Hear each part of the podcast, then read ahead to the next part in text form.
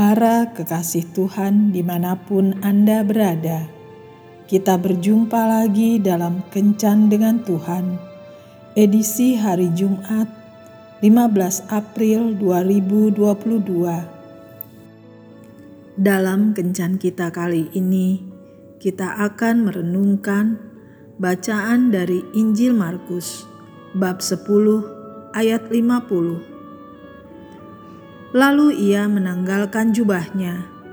Ia segera berdiri dan pergi mendapatkan Yesus.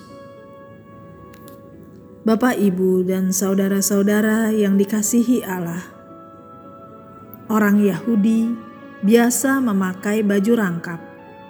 Bagian dalam disebut tunik, biasanya terbuat dari kain linen yang menutupi seluruh tubuh dari leher sampai ke lutut.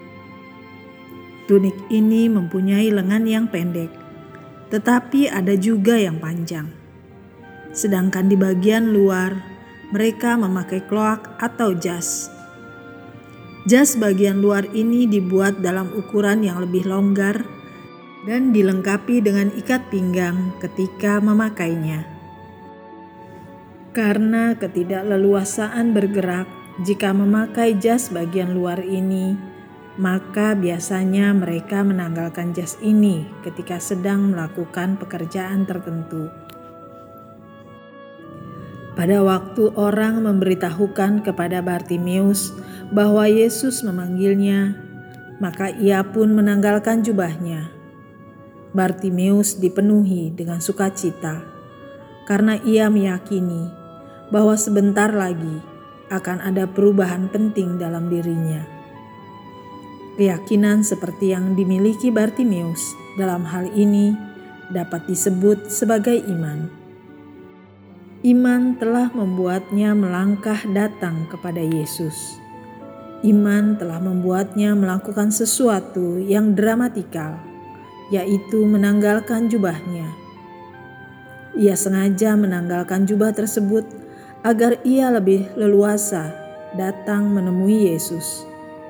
Meskipun jubah luar pada umumnya merupakan pakaian yang melindungi seseorang dari cuaca yang dingin, namun apalah arti sebuah jubah bagi Bartimeus dibandingkan kesembuhan yang akan diterimanya dari Yesus. Bartimeus rela menanggalkan jubahnya karena ia tahu ada hal yang lebih penting daripada sebuah jubah. Ini merupakan gambaran yang sangat indah bagi seorang berdosa yang memutuskan untuk datang kepada Yesus. Ia harus rela menanggalkan jubah yang selama ini ia kenakan, yaitu jubah dosa yang telah membutakan mata rohaninya.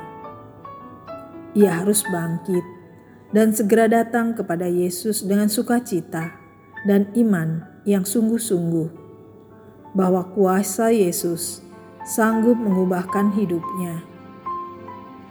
Untuk mendapatkan kemurahan hati Allah, ia harus bersedia meninggalkan kehidupan lamanya. Rasul Paulus berkata, "Tetapi apa yang dahulu merupakan keuntungan bagiku, sekarang kuanggap rugi karena Kristus." Filipi 3 ayat 7.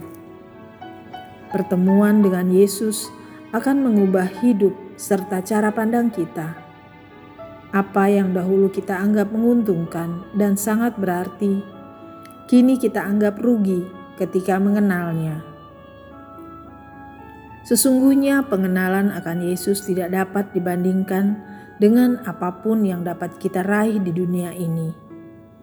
Oleh karena itu, tanggalkanlah jubah yang selama ini kita kenakan jubah yang telah merintangi kita untuk datang kepada Yesus, jubah yang membutakan mata rohani kita, sehingga kita tidak bisa melihat sang kebenaran itu.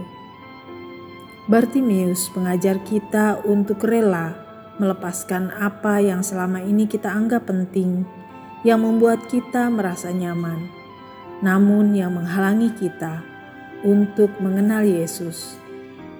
Percayalah, ketika kita datang kepadanya, maka kita akan mendapatkan sesuatu yang jauh lebih baik. Memiliki Yesus berarti memiliki segalanya. Tuhan Yesus memberkati. Marilah kita berdoa. Tuhan Yesus, berilah aku keberanian untuk melepaskan segala sesuatu yang selama ini menghalangiku untuk datang kepadamu. Amin.